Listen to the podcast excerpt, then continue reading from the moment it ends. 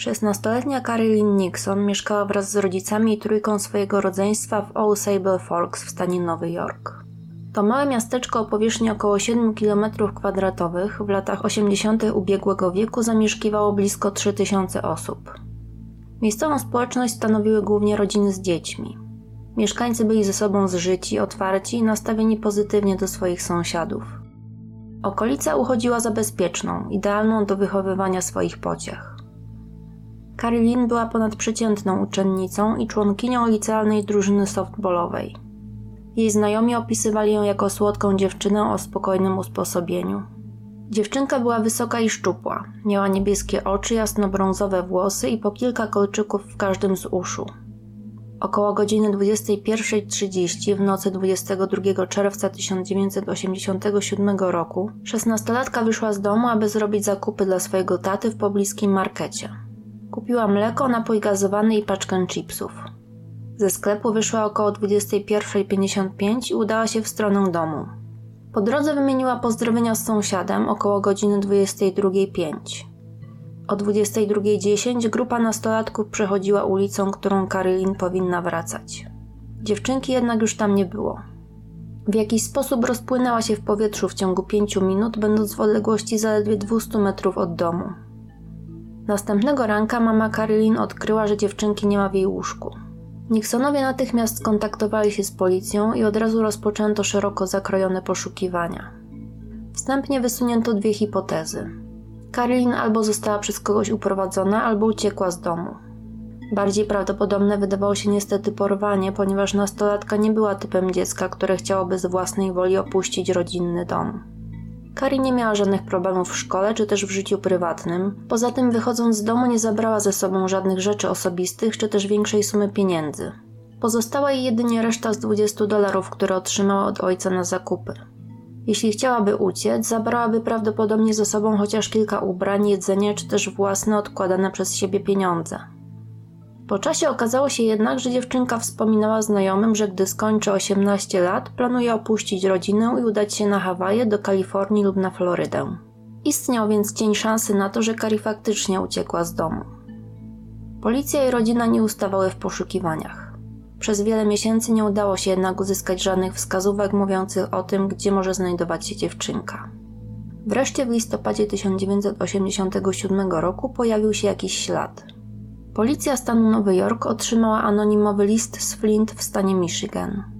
Jego autor twierdził, że widział Karolin w rejonie Utahville w południowej Karolinie. Rodzina dziewczynki natychmiast udała się w to miejsce i zaczęła rozwieszać plakaty z wizerunkiem córki.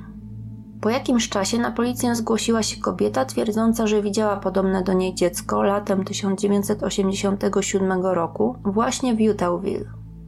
Kobieta miała rozmawiać z nieśmiałą dziewczynką, która również miała jasnobrązowe włosy, kolczyki w uszach i przedstawiła się jej jako Karylin. Kobieta miała problem z przypomnieniem sobie, w jakich dokładnie okolicznościach spotkała tę dziewczynkę. Policja poprosiła ją więc o poddanie się hipnozie, na co kobieta zgodziła się bez oporów. Pod wpływem hipnozy kobieta przypomniała sobie, że podobna do zaginionej nastolatka została jej przedstawiona przez inną rudowłosą dziewczynkę. Miała ona powiedzieć, że nazywa się Carrie Nixon, pochodzi z Nowego Jorku i na jakiś czas zatrzymała się w okolicy. Co ciekawe, inni świadkowie także zgłaszali, że widzieli w okolicy dziewczynkę bardzo podobną do Carrie. Niestety wszystkie te zgłoszenia nie umożliwiły zlokalizowania nastolatki. Sprawa znów na jakiś czas stanęła w martwym punkcie. Kolejny zwrot w sprawie nastąpił 5 czerwca 1989 roku. W tym dniu w Los Angeles odbył się koncert zespołu New Kids on the Block, a materiał z niego pochodzący wykorzystano do stworzenia teledysku do jednego z przebojów. W marcu 1991 roku podczas emisji teledysku w telewizji rodzice Kari zauważyli wśród tłumu dziewczynę łudząco podobną do córki. Jej twarz, włosy, a nawet umiejscowienie kolczyków zgadzało się z wyglądem zaginionej dziewczyny. Gdy śledczy przyjrzeli się materiałowi wideo, doszli do wniosku, że osobą na teledysku jest prawdopodobnie Carrie Za pośrednictwem telewizji zaapelowano do dziewczynki, aby wróciła do domu lub dała jakikolwiek znak życia. Do apelu dołączyło się również dwóch członków zespołu New Kids on the Block. Nadzieje rodziny na odnalezienie Carrie rosły coraz bardziej. Jakież musiało być ich rozczarowanie, gdy po kilku dniach na policję zgłosiła się dziewczyna z teledysku. Okazało się, że mimo iż była łudząco podobna do zaginionej, była to zupełnie inna osoba. Śledztwo wróciło do punktu wyjścia. Niestety 28 stycznia 1994 roku, prawie 7 lat po zaginięciu Kari, jej ciało zostało odnalezione w płytkim grobie leżącym zaledwie kilka mil od jej rodzinnego domu. Niejaki Robert Anthony Jones przyznał się do porwania, zgwałcenia i zamordowania dziewczynki. Jones został aresztowany za cztery napady na banki, które popełnił w Stanach Nowy Jork i Maine w latach 1987-1993. Jego żona Teresa miała być oskarżona o współudział, ponieważ brała udział w napadach jako kierowca samochodu, którym uciekał jej mąż. Teresa w trakcie przesłuchania wyznała policji, że Robert przyznał się jej do zabicia Kari. Po konfrontacji śledczych z Jonesem zgodził się on przyznać do popełnienia tego czynu w zamian za lżejszy wyrok dla swojej żony. Przestępca dokładnie opisał okoliczności porwania i zamordowania dziewczynki.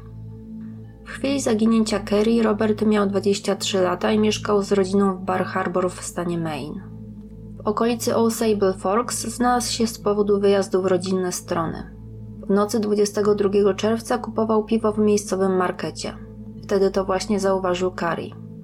Śledził ją i w dogodnym dla siebie momencie zmusił do wejścia do samochodu, zastraszając ją przy pomocy naładowanej broni.